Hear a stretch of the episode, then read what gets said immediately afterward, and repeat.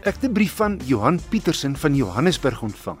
Hy het vra oor elektriese voertuie wat so duur is in Suid-Afrika en die invoerbelasting wat plaaslik op die voertuie gehef word.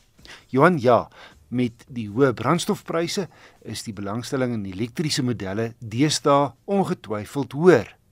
In die eerste 6 maande van die jaar was aanlyn soektogte 102% hoër as die ooreenstemmende tyd verlede jaar. Die probleem is net EV's soos die voertuie kortweg bekend staan, is buite verhouding duur in Suid-Afrika, soos jy tereg opmerk. En ek seker gereelde beerdkrag help nie EV se saak nie. Verder is ons infrastruktuur gebrekkig en ons lang afstande problematies. 'n Elektriese Mini byvoorbeeld loop net 215 km ver voordat hy gelaai moet word. Maar daar word hard aan EV's se ryk afstande gewerk. Jaguar se I-Pace kan al 470 km haal. Ek het Johan se brief voorgelê aan Isak Lou. Hy is Jaguar Land Rover Suid-Afrika en Sub-Sahara Afrika se woordvoerder. En my vraag aan hom was hoe die volelektriese Jaguar I-Pace se invoerbelasting verskil van die diesel, petrol en hibriede voertuie wat hulle invoer.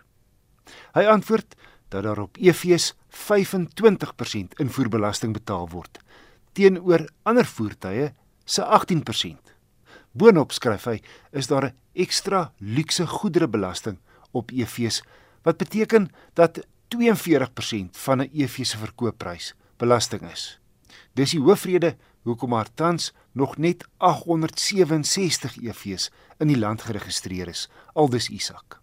En dis hoekom 'n elektriese 3-deur Mini 'n hele ent anderkant 700 000 rand kos. En dis die tweede goedkoopste elektriese voertuig plaaslik.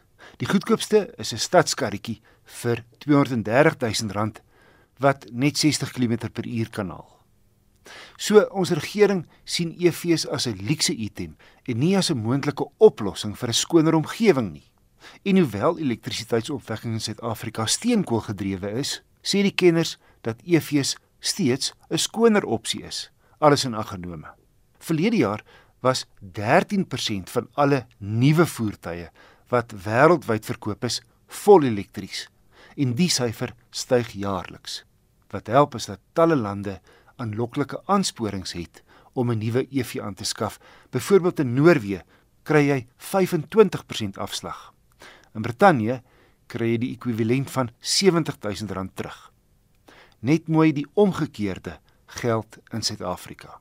Maar die feit van die saak is Suid-Afrika wat sterk steun op uitvoere, sal so gou moontlik elektriese voertuie moet vervaardig. Anders gaan die res van die wêreld ons agterlaat.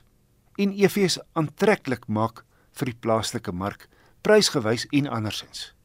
Die regering het al in Mei verlede jaar 'n groenskrif in die verband bekend gestel maar die wetgewing sloer. Moet er navraag kan na my e-pos word. My adres is wissel@rsg.co.za.